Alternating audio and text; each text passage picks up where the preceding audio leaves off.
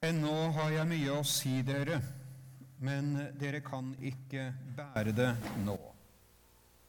Men når Han kommer, sannhetens ånd, skal Han veilede dere til hele sannheten. For han skal ikke tale av seg selv, men det han hører, skal han tale, og de kommende ting skal han forkynne dere.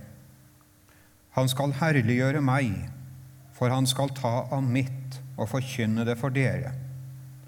Alt det som Faderen har, er mitt, derfor sa jeg at han tar av mitt og forkynner for dere. Amen.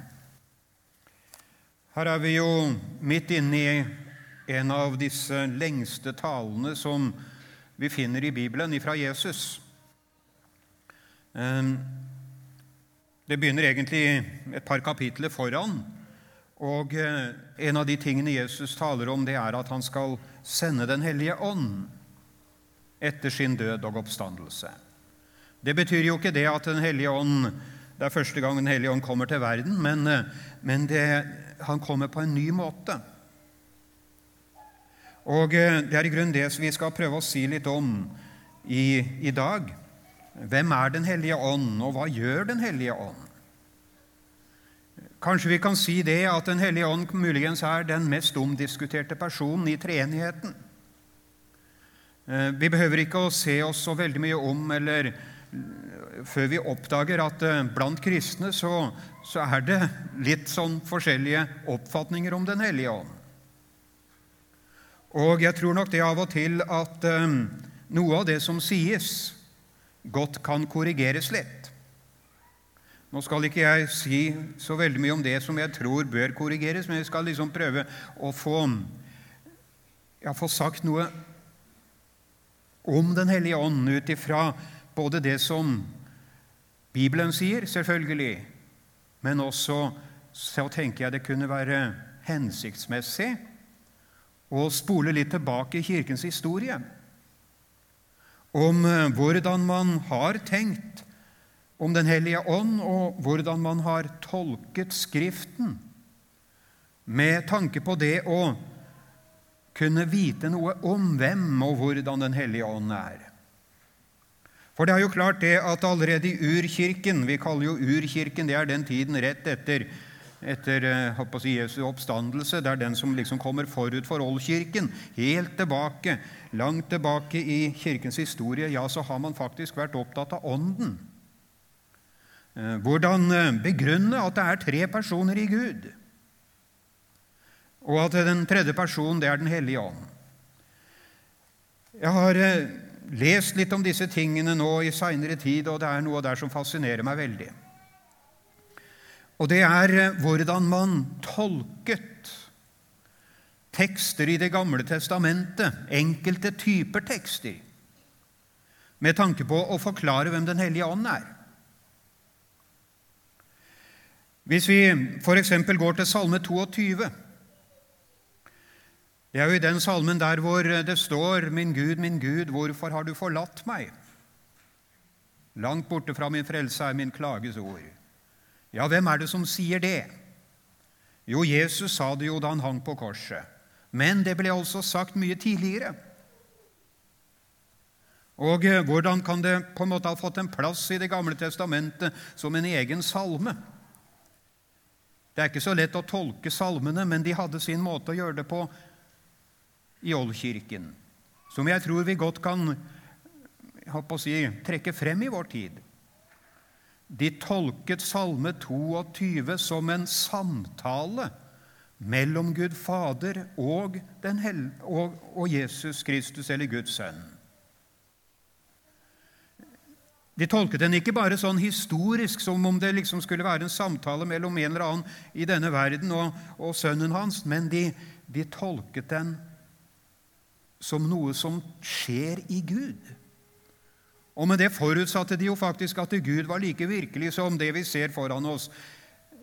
De forutsatte at Gud taler med seg selv, eller at det er en samtale i Gud mellom Faderen og Sønnen. Og slik kunne de tolke også andre deler av Skriften, f.eks. Salme 110. Herren sa til min Herre, sett deg ved min høyre hånd til jeg får lagt dine fiender til skammel for dine føtter, osv. Og du finner flere tekster i Jesajas herrens, om Herrens tjener, f.eks. Ja, de tolkes som samtaler i den treenige Gud. Og Da kan man ut ifra det i hvert fall si det er, som, det er to som snakker med hverandre. Det er eh, Faderen og Sønnen. Men hvor blir det av Ånden?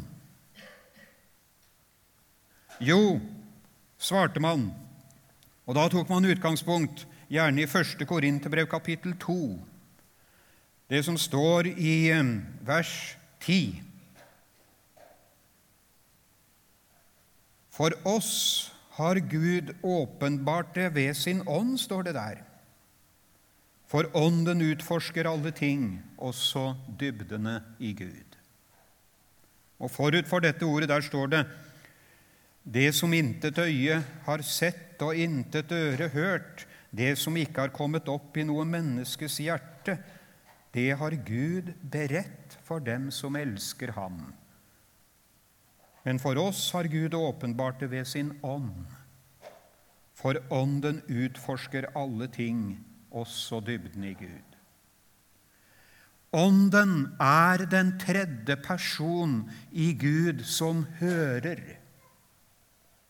samtalen mellom Faderen og Sønnen. Ånden er det evige vitne til hva Gud har tenkt, planlagt, sagt at han skal gjøre. Ånden er den som håper å si, åpner døren til den treenige Gud slik at vi kan få se hva Gud har tenkt og planlagt fra evighet av. Og det har Ånden holdt på med ganske lenge. Da Jesus talte disse ordene, ja, så, så visste selvfølgelig han det er ikke Den hellige ånd har vært virksom allerede. Det er nedfelt i den boken vi kaller Det gamle testamentet. En rekke løfter om hva Messias skulle gjøre i fremtiden og Ånden har åpnet døren inn i den treenige Gud. Og det gjorde han før Jesus kom.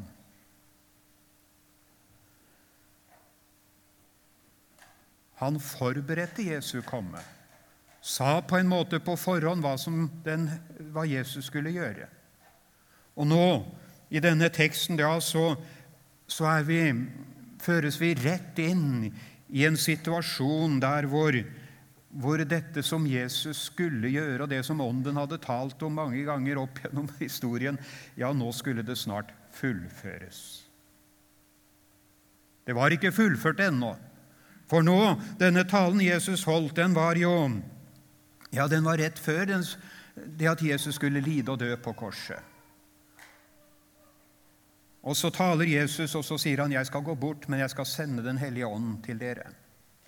Han skal veilede dere til hele sannheten. Og Det sier han da til dem som sitter og hører på han der.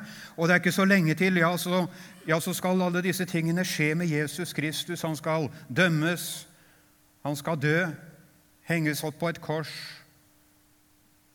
for å sone all verdens synd, og så skal han stå opp igjen. Og disiplene, disse som står ham aller nærmest, de skal ikke skjønne hva det er som foregår engang. Og det var jo det vi husker, ikke sant? Ja, to av disiplene til Jesus de gikk og, og var så sørgmodige. Det står om det i Lukas kapittel 24. Og så kommer Jesus selv og går sammen med dem, står disse Emmaus-vandrerne. De forsto ikke hva som skjedde. Peter forsto det ikke, Johannes forsto det vel knapt. Ja, deres øyne og ører var lukket. Så det var jo klart at disse som Jesus hadde utvalgt til å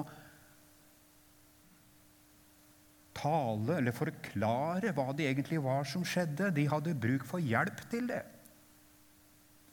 Ja, de hadde faktisk bruk for at eh, Gud selv åpnet dørene, slik at de kunne forstå. Og Derfor ble Den hellige ånd sendt. Vi kan godt si på en annerledes måte enn i Det gamle testamentet eller i Den gamle pakt. I Den gamle pakt ja, så gikk det århundrer, til, og, og, så sa, kom det noe fra, fra Ånden som ble åpenbart gjennom profetene og samlet i disse skriftene. Det nye som skal skje nå, det er at det som Ånden har sagt, skal fullføres. Det skal på en måte settes lokk på det det skal kompletteres, slik at det kan sies at nå har Gud sagt det han vil si. Og vi veit jo endelig godt at det handler om ja, det, det, det, nedfelles i Det nye testamentet. Paulus skriver om det i Kolossebrevet, kapittel 1, vers 5-26. Der står det at Paulus han skriver jeg, at hans oppgave er å fullføre Guds ord og å meddele til mennesker mysteriet om Guds frelsesgjerning. Det skulle kompletteres. Og hvorfor var det komplett? Hvorfor skulle de siste ord, kan vi godt si, som vi kaller Guds åpenbaring, sies ja i tiden etter Jesu oppstandelse gjennom hans utvalgte apostler? Jo, det skulle sies fordi frelsesverket var fullført. Han skal herliggjøre meg, for han skal ta mitt og forkynne det for dere, sier Jesus, når han taler om Ånden som skal komme. Ja, hvordan kunne folk rundt over hele jorden vite om at de, si, den personen som kalles Jesus, som ble korsfestet, døde og led for nesten 2000 år siden Ja, det skjedde på en kvadratmeter rett utenfor Jerusalem. Ja, hvordan kan vi vite at det skjedde?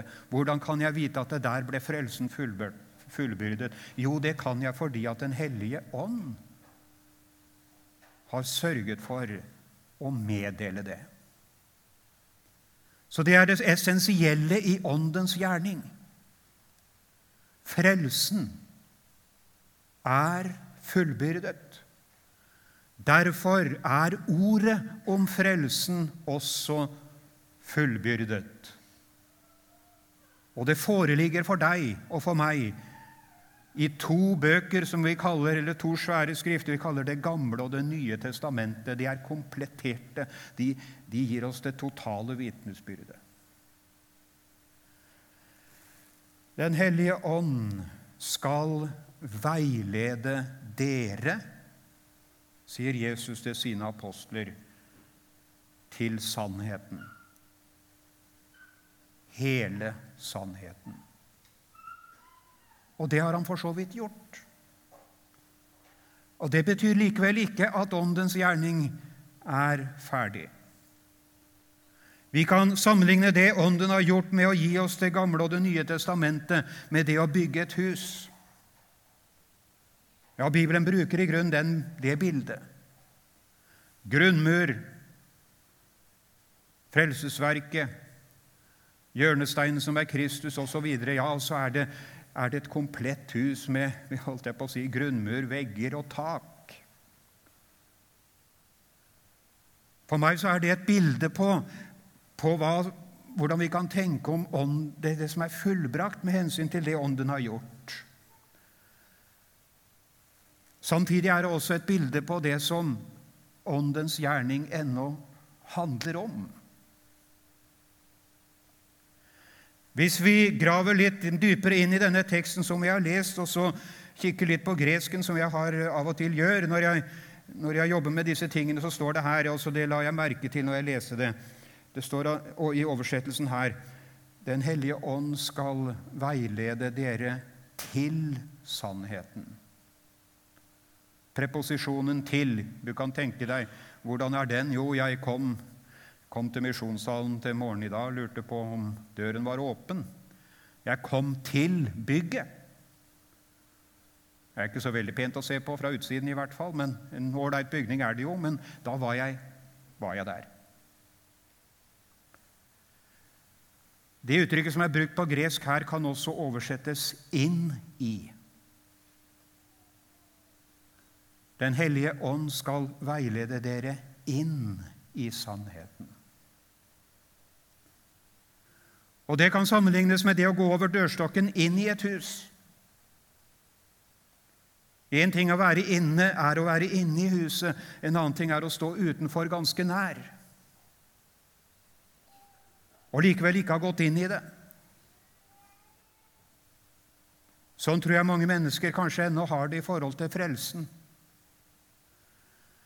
De står foran Frelsens hus, veit sånn noenlunde hva det handler om. Men så er det noe som gjør at ikke de kommer over dørstokken inn. Det er noen som kan leve slik i mange år, og som kanskje til og med kan kjenne en dragning på det der. Ja, jeg er veldig nær. Jeg holder det på avstand. Men det står en åpen dør jeg kan gå inn i.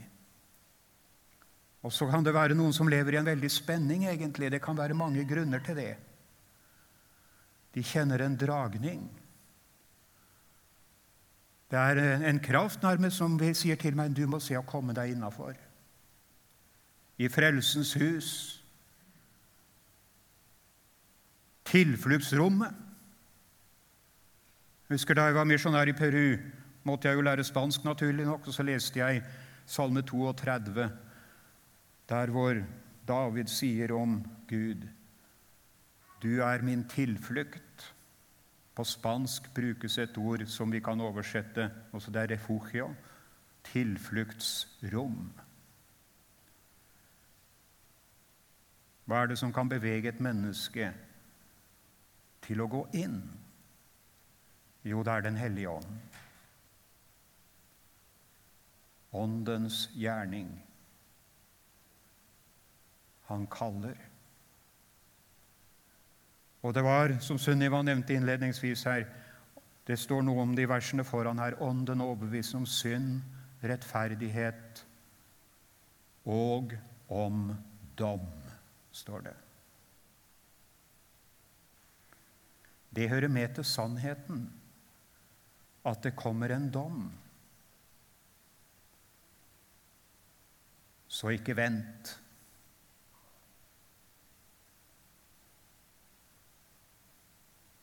gå inn i det Jesus har gjort ferdig. I vår tid er man rett og slett allergisk mot begrepet sannhet. Så snart man sier 'jeg kjenner sannheten', ja, så sier noen 'ja, du tror vel du skjønner absolutt alt, du', da. Du har liksom Ja, du, du befinner deg på et annet plan enn oss andre. Vi er jo da liksom i vår relativismens tid. Ja, så tenker han jeg, det er bare vi ser biter av sannheten.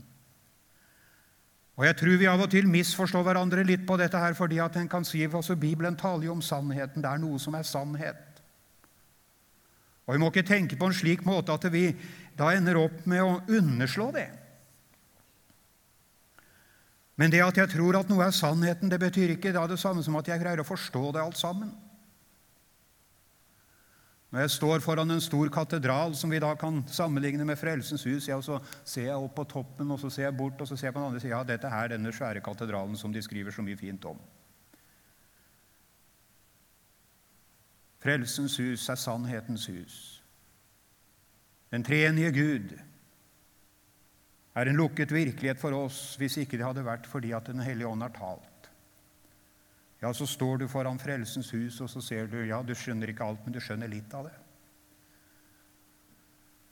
Du er, og du skjønner kanskje nok til å gå inn i det, men når du er da kommet inn i den store katedralen, ikke sant, som vi nok en gang kan si sammenlignes med Frelsens hus, ja, så ser du opp. Du har vært i en stor katedral i Rom. Ja, fantastiske malerier. Tenk at mitt slangslo kunne male sånn. Nå ser du til siden, og da greier du ikke å se samtidig opp. ikke sant? Og Så ser du noe der borte, og så ser du noe der borte, og så ser du på gulvet. Det er jo gjennomført alt sammen. Du er Du ser glimt, du ser deler. Men det at ikke du forstår alt og ikke greier å se alt på en gang, det forhindrer ikke at du er inne i katedralen hele tiden. Og Sånn er det med sannheten. Jeg er veien, sannheten og livet, sier Jesus. Det er enkelte ting ved det som har med Jesus å gjøre, som det er viktigere for oss å forstå enn mye annet. Og det er hele sannheten om frelsen. Det er sikkert en og annen som har hørt det jeg skal si nå, tidligere, muligens, for jeg sier det fra tid til annen. Prøver å la det gå en stund mellom hver gang. Men jeg husker godt da jeg oppdaget hele sannheten om frelsen. Jeg tror egentlig jeg blei båret inn i Frelsens hus da jeg var et lite barn og ble døpt. Og eh, jeg tror også jeg på en måte var i det i oppveksten. Men det kom ei tid da jeg egentlig syntes at det der med å være en kristen det ble fryktelig vanskelig. Ville gjerne være det. Trodde ikke at jeg var det. Jeg tror ikke jeg er helt aleine med det. Det var liksom ting som ikke stemte helt. Kunne ha ja, ting du falt i, ting du ble fristet til, ting du sa, osv., osv. En ville i grunnen på en måte ha forsikringer i form av opplevelser, kanskje. Ja, ikke minst det. Og så ble det det at en på den ene siden ja, Jesus døde for mine synder, og det er jo greit, men også er det dette med livet mitt. Hva med alt det som ikke strekker til i mitt liv? Jo, det var Den hellige ånd som var borti meg, det er jeg ganske sikker på, og pekte på syndene mine. Og Det var ikke før jeg gikk på misjonsskolen, som vi kalte det den gangen, da jeg leste gresk, og kom til Romerbrevet kapittel 5, vers 10. Det var først da jeg egentlig forsto helheten i frelsen. Hele sannheten, hva den betyr for meg. Jeg skal bla opp og lese fra den teksten, for den, det er eh, et av de mest viktige bibelordene for, for meg. Der står det sånn Ble vi forlikt med Gud ved Hans Sønns død da vi var fiender, skal vi så mye mer bli frelst ved Hans liv etter at vi er blitt forlikt. Vi har lett for å tenke på følgende måte, og jeg husker jeg sa det mange ganger da jeg var i Peru og prøvde å tale og, og undervise overfor de jeg møtte der. Vi tenker lett at Jesus Kristus har bare gjort opp for det som er galt i livet mitt, til den dagen jeg blir omvendt. Og så kommer det noe etter det, og da må jeg satse på meg selv og mitt eget liv. Jeg hadde lett for å lese sånn ble vi forlikt med Gud ved Hans Sønns død da vi var fiender, skal vi så mye mer bli frelst ved vårt liv etter at vi er blitt forlikt. Ja, sånn kan man jo tenke. Men det står ikke det at jeg skal bli frelst med mitt liv. På grunn av mine prestasjoner, mine opplevelser og alt hva jeg får til. Men jeg skal bli frelst ved hans liv etter at jeg er forlikt med Gud. Og Det står også i 1. Johannes brev om noen synder har vi en talsmann i himmelen, Jesus Kristus den rettferdige. Hvordan, Hvem er det som har sagt det? Jo, det er Den hellige ånd. Han som ransaker og ser inn i Gud. Han ser hvordan Sønnen går i forbønn for hver den som tror på ham. Og han forteller det inn i verden slik at vi skal tro det og høre det. Ja, sånn her henger det sammen. Og Jeg har prøvd å sette det på spissen når det gjelder frelsen, så, kan jeg ta det til meg at Jesus Kristus har sonet både for det jeg kaller fortid, nåtid, og jeg drister meg til å si fremtid. Hele mitt liv visste Jesus om, for han er den allmektige og allvitende Gud. Jeg var påtenkt som vi sier, lenge før mor og far traff hverandre. Gud visste hvem jeg var, i sin allvitenhet. og alle mine synder, de ble lagt på ham. Hele frelsen. Har du sett hva, du vil, hva Ånden vil føre deg til erkjennelse av? Hele sannheten om Jesus. Den handler ikke om at du eller at han gjør sitt, og så skal du komplettere med ditt når det gjelder frelsen. Men det gjør, handler om at han faktisk gjorde ditt. Ånden vil føre deg inn i det ved å åpne Skriften for deg. Og Derfor er det så viktig at du bruker Guds ord. Og du kjenner til noen ord ikke sant, som virkelig er sånne kjerneord, sånn som jeg har dette i Romerne 5.10. Det er noen stønner da du liksom bare må åpne Bibelen og se det en gang til. Og så taler Ånden de samme ord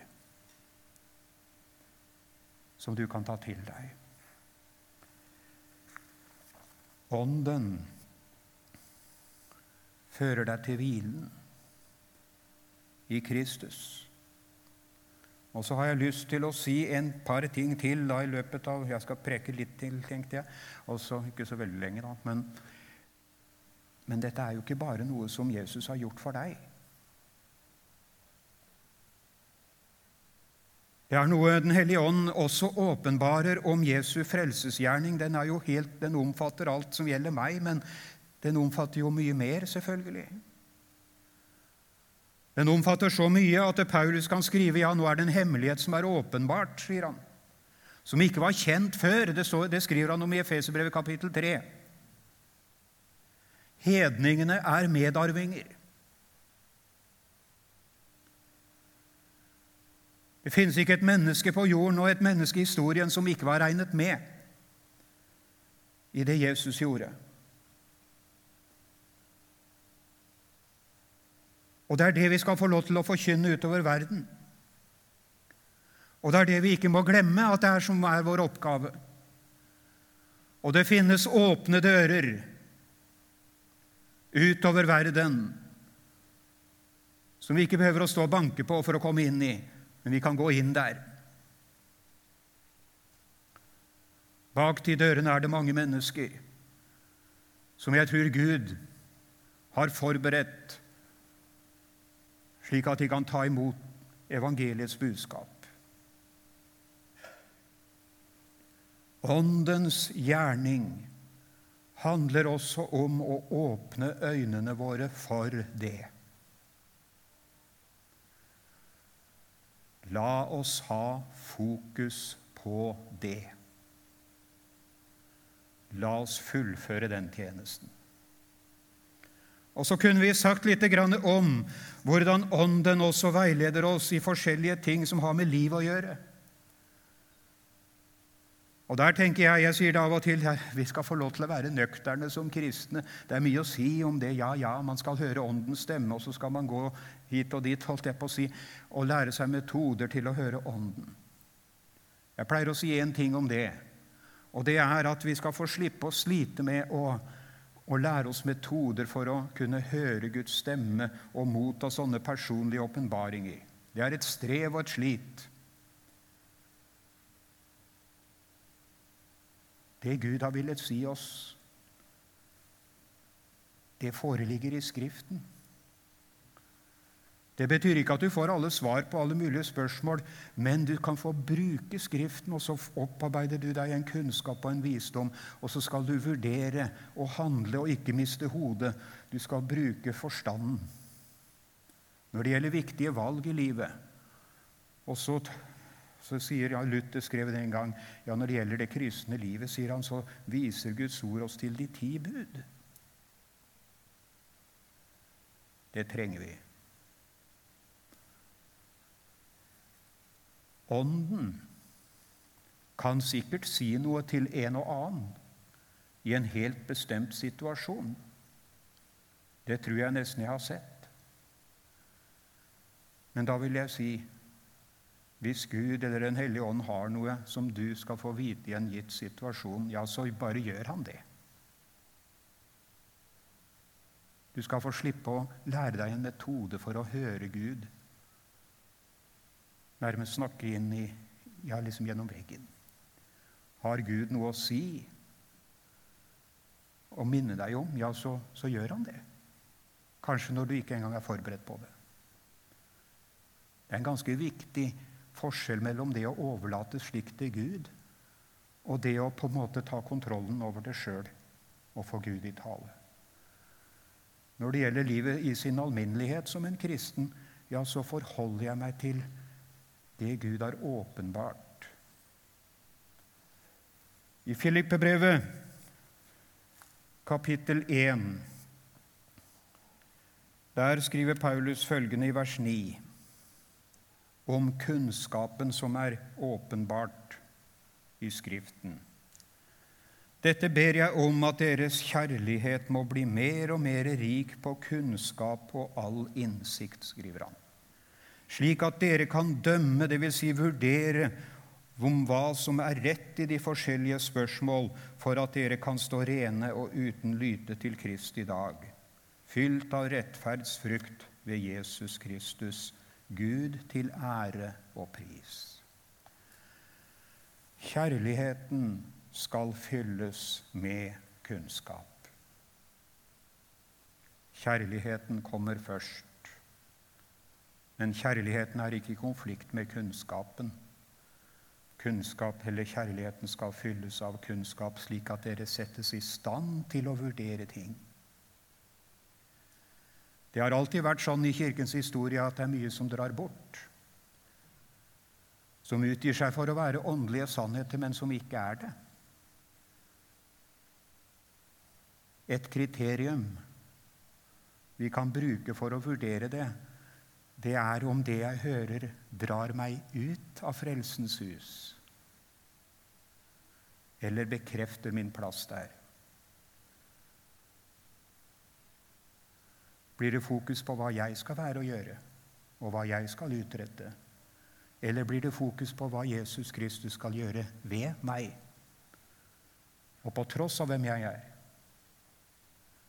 Vi skal få prøve det. Og det ligger en nødvendighet i det. Fordi Gud vil at vi skal stå reine og uten lyte på Hans store dag.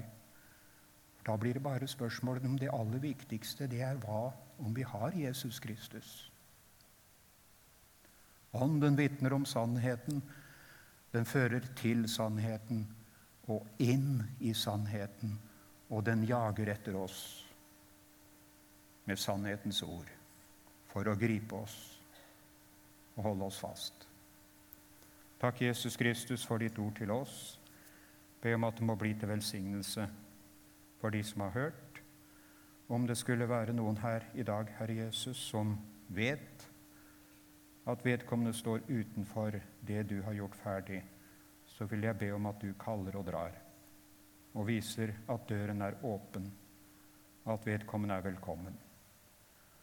Og når det gjelder oss andre, Herre Jesus, så takker jeg deg for at du lar ditt frelsens hus stå gjennomsiktig, slik at vi kan få se hvem du er, og hva du er for oss. Bevar oss i troen og i frelsen, og fest blikket vårt på det som er det oppdraget du har gitt oss, og forkynne hemmeligheten om din nåde og frelse for alle folkeslag. Amen.